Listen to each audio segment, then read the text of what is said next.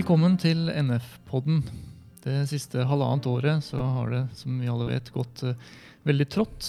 Men uh, nå når vi kommer ut på andre siden av pandemien, så er det flere selskaper som har begynt å rekruttere, Simen. Ja, blant annet så har vi jo sett uh, nyoppstarta Norse, som kommer nå til neste år, skal ha en drøss av folk. Det samme gjelder Airwing, som ser etter piloter nå. Flyr vet vi, de rekrutterer jo fortløpende. Og Widerøe, ikke minst. Ja, og i denne lille miniserien så tenkte vi at vi skulle lære mer om hva som kreves for å få jobb i disse selskapene, og hvordan rekrutteringene ser ut. da. Mm. Så Det blir noen spesialepisoder der vi skal snakke om rekruttering, og så skal vi selvfølgelig høre fra dem som står på innsida av selskapene, og som kjenner disse her prosessene bedre enn noen andre. Først ut blir eh, Widerøe, som er eh, et av selskapene som virkelig skal ha mange nye piloter nå i tiden fremover.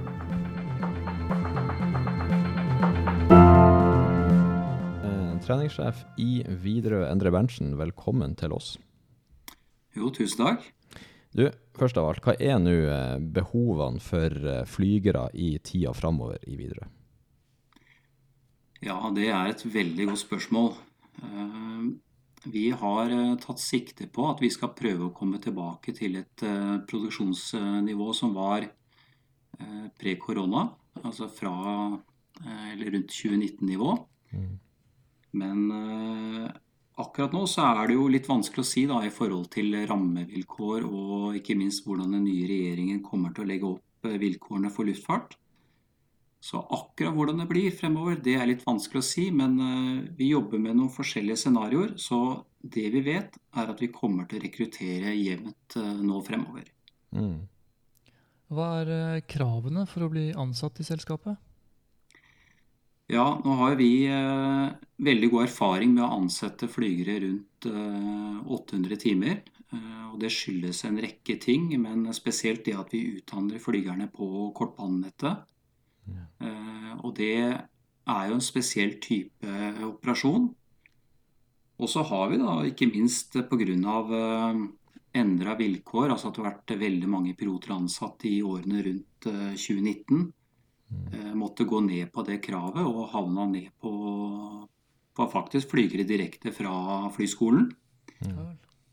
Og de også har gjort det veldig veldig godt i vårt selskap. Eh, veldig stolt av det de sjøl har fått til, og det vi har fått til sammen. Mm. Så eh, det vi har gjort, er at vi har et eh, ønske om 800 timer. Men mm. det er ikke lenger et absolutt krav. Men det er kanskje mm, bedre forhold nå til dags å finne folk med godt med timetall som er klare til å begynne jobb? Ja, det er det. Samtidig så tror jeg at det er et, eh, en kortsiktig sak. Det er ikke noe som kommer til å vare over tid. Det er eh, etter hvert som det begynner å normalisere seg mer og mer i eh, andre flyselskap også, så er jeg ganske overbevist om at vi må fort tilbake til det sporet som vi var i i 2019. Mm. Men det betyr altså at hvis man har 450 eh, timer, så er du fortsatt Du kan fortsatt søke videre, da? Ja, absolutt. Mm. Det, og det oppfordrer også folk til å gjøre. For det, eh, det viktigste er eh, at man har sertifikater fra flyskolen. Mm. Fordi at vi har jo et system som er todelt. Det er jo en bitte liten robotfunksjon som selekterer ut, og så er det manuelt arbeid derfra. Men det er klart skal man passere den lille selekteringen som er eh, robotstyrt, så bør man ha alle sertifikatene i orden. Også veldig viktig at de som søker, legger inn alle kopier og relevant dokumentasjon i, eh, i systemet. Mm. Kan du fortelle litt om hvordan opptaksprøvene foregår? Ja, Det er et spørsmål jeg får eh, ganske ofte. Eh, hva, hva, er egentlig dette her for noe? Og eh, jeg må starte med å si at eh, opptaksprøver i videre, det handler ikke om hvorvidt du er en god eller dårlig flyger. Det handler om hvorvidt man er egnet til Eller er innenfor den personlighetsprofilen og typen som, som selskapet er ute etter. Så opptaksprøvene de eh, består i praksis av eh, en dag hvor vi har med en psykolog, og så kjører vi eh, kognitive tester. Og eh, der ser vi rett og slett etter litt eh, hurtighet og tempo og nøyaktighet. Mm. Og rett og slett hvordan du løser de oppgavene som det blir fortalt. Og det gir oss rett og slett det vi kaller en indikasjon. Det er aldri en fasit på hvordan, hvordan du er. Ja, For det er vel kanskje en helhetsvurdering eller når det kommer til stykket? Ja, det er det jo.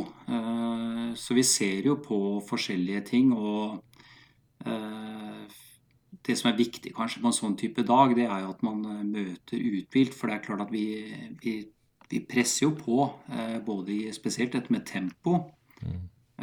og nøyaktighet i det man gjør. Så, så kjører vi ganske tøft på. Så det, jeg vil i hvert fall oppfordre folk som møter opp til å være uthvilt og, og, i hvert fall ikke være forkjøla eller andre ting. For det, det, er klart at det kan påvirke den dagsformen. Da, og, og, man får jo bare den muligheten til å vise seg frem. Mm. En sånn uh, ting man kan gjøre noe med, altså bør man, uh, bør man forberede seg til opptaket, og i så fall uh, hvordan? Ja, det syns jeg man bør forberede seg til. Man bør mentalt tenke gjennom hvordan en sånn type dag kommer til å forløpe. Mm. og så bør man Eh, egentlig gjøre enkle øvelser på Det finnes masse typer ting som, eh, som er tilgjengelig på, på internett. Mm. Og det er bare lurt. Du gjør ikke noe dumt ved å forberede deg på den måten. Mm. Vi vet at veldig mange gjør det, og, mange måter gjør det deg bare bedre egnet til å svare på en del av de, de spørsmålene som er. Mm. Når man kommer gjennom eh, forhåpentligvis dette opptaket og skal, skal ut og fly, hva, altså, hva, kan man forvente fra, fra jobben, flygerjobben i Widerøe?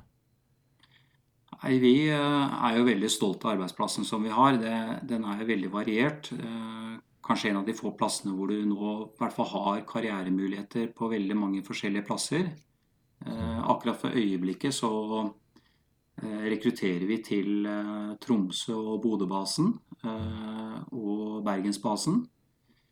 Det er litt vanskeligere å komme til Oslo og, Sandefjord, men kommer man på, på Bodø- eller Tromsø-basen, så er det jo hovedsakelig kortbanenettet og den type operasjon som man vil utføre. og det det er jo den mest uh, artige og, og, spenstige operasjonen som finnes. Uh, faglig så er den uh, veldig, veldig morsom. det er slått, det er i hvert fall den lille, er å, å fly som en Det er som en Ferrari. Han er veldig full av motorkrefter og responderer på alt du gjør. Og man manøvrerer den på ruteområder som er faglig krevende. Så du blir veldig fort eh, god i det du blir eksponert for. Eh, og da blir jobben også veldig morsom. Mm. Man, litt, eh, man tar jo det liksom i luftfartshistorie òg, ved å få lov å fly litt Dash.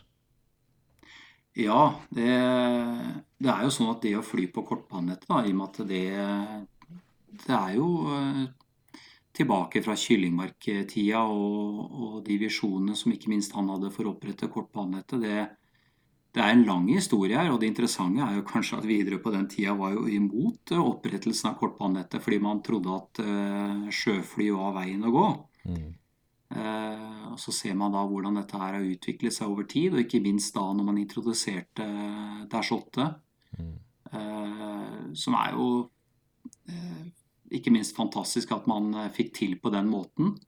Men er et, virkelig et arbeidsjern på kortbanenettet. og Eh, det har vi virkelig fått sett da, når vi nå skal begynne å se etter alternativer og erstatninger til det flyet. Så eh, vokser jo ikke de på trær. Det er mm. krevende å, å få tak i nye flytyper. Mm. Så neste bestilling blir kanskje sjøfly? da? Kanskje elektriske sjøfly også? Ja, det, det vil jeg fraråde. Men eh, sånn flyparksmessig ellers, eh, har dere lagt inn noen nye bestillinger? Er det noe mer som skjer med, med tanke på rekruttering framover? Skal dere ekspandere? Eh, godt spørsmål. Eh, og så er det jo alltid sånn at en bedrift som oss da vil jo se på alle alternativer. Eh, det ser man jo på Flyr og Norwegian og, og SAS også. De, de, er jo man ser på hvilken type marked man er i og hvordan dette kan bli fremover. Og vi også jobber jo hele tiden med å optimalisere vår flåte. Mm. Men det er ingenting konkret jeg kan si om det nå. Mm. Jeg må bare spørre deg altså, Når vi snakker om eh, jobben i, i Widerøe, det er jo selv om Bodø er en helt fantastisk flott by, så er det jo kanskje noen som ikke har lyst til å flytte opp med det første. Så hvordan er liksom pendlermulighetene i, i Widerøe hvis man har base i Nord-Norge? Ja, eh, vi har jo eh, gode ordninger. Altså, eh, selskapet består jo av en veldig stor andel av eh, pendlere. Mm. Eh, og jeg er ikke helt sikker på tallet nå etter korona, men vi har vært godt oppe i rundt 35% som driver med pendling. Mm. Uh, og jeg vil jo si at det er, en, det er veldig styrke, i hvert fall i forhold til styrmenn som pendler, for de bor gjerne i et kollektiv. Mm. Og det gjør at du får mye faglig erfaringsoverføring raskt. Mm. og da må man selvfølgelig bekoste leiligheten eller hybel på, på den basen du er stasjonert på. Men selskapet dekker pendlerbilletter eh, fra der du, der du, bor og til den basen du er stasjonert. Mm. Det er jo luksus. Ja, det er en veldig fin ordning. Og, men vi ser jo verdien i at, eh, at, nettopp at dette ikke skal bli for stor belastning for den enkelte, så, så har bedriften valgt å ta den kostnaden. Mm. Og så er det jo en eh, god gjeng eh, som hører på det her, og som er medlem av NF, som eh, har mista jobben fra, fra, SAS. Og så kjenner vi jo til at i den kollektivavtalen til SAS så står det jo at man har en fortrinnsrett til å søke jobb i Widerøe. Kan du fortelle litt om den avtalen? Hvordan fungerer den? Ja, det er jo en avtale med de beste intensjoner. Den uh, fungerer jo i praksis sånn at man har uh, fortrinnsrett på, på opptak i Widerøe. Uh, og absolutt, og ikke minst når man uh, blir akseptert, så får man også med seg uh, lønnsansienniteten som man har da fra SAS, og det betyr da sjølve lønnstrinnene. Mm. Og så er det jo slik at, at den avtalen jo, har jo ikke minst blitt litt krevende nå, i og med at SAS har, har tatt noen strategiske bevegelser. Mm. Eh, den er jo ikke formulert sånn at eh, man får eh, noen ekstra privilegier basert på ansiennitet. Det gjør man ikke. Mm. Sånn at vi har ikke laget noe system hvor vi ser på hvor lenge du har vært i SAS, eller flytyper du har fløyet i SAS og slike ting. Vi har rett og slett Noen blir bare plukka litt ut vilkårlig, og så har vi prøvd å titte litt på også hva som er, eh, er eh, stasjoneringsmessig riktig og slike ting. Da. Hvis man mm. bor i, eh, på et av virksomhetsområdene, så er det klart at det kan være en fordel. Mm. Men det er ikke noe fasit på dette. Mm.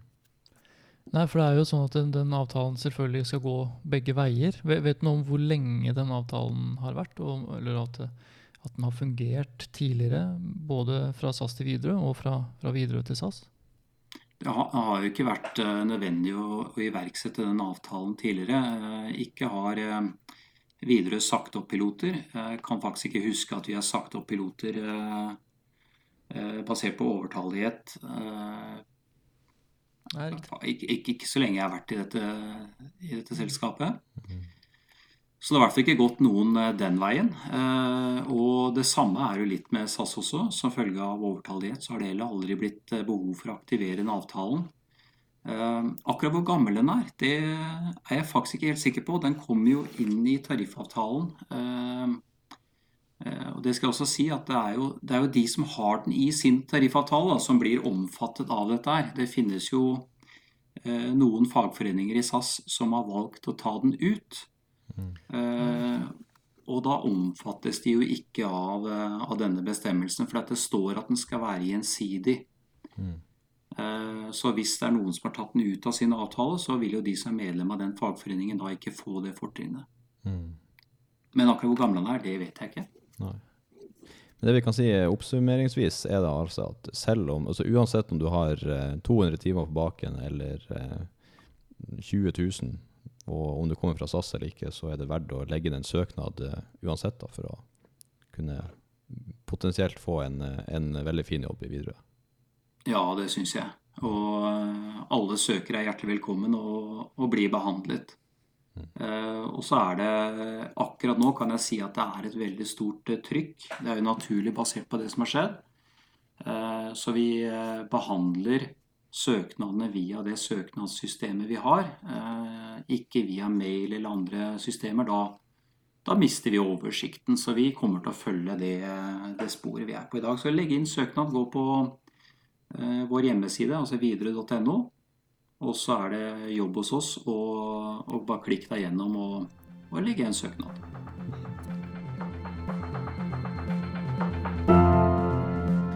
Ja, det høres jo ut som eh, det kan være muligheter for jobb eh, der framover, Gabriel.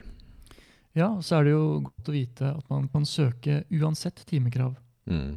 Så er det jo utrolig mange om beinet nå, det vet vi jo. Men uh, man vet jo aldri. Altså, det er jo heller ingen automatikk i at det er de mest erfarne som nødvendigvis får jobben til slutt. da.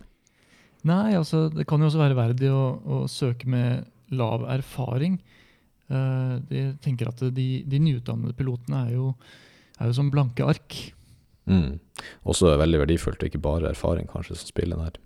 Ja, Vi- Vi kommer jo selvfølgelig tilbake med flere flyselskap i mellomtida, så kan dere gjerne sjekke ut Widerøes stillingsannonser. Det ligger på deres nettsider. Vi høres.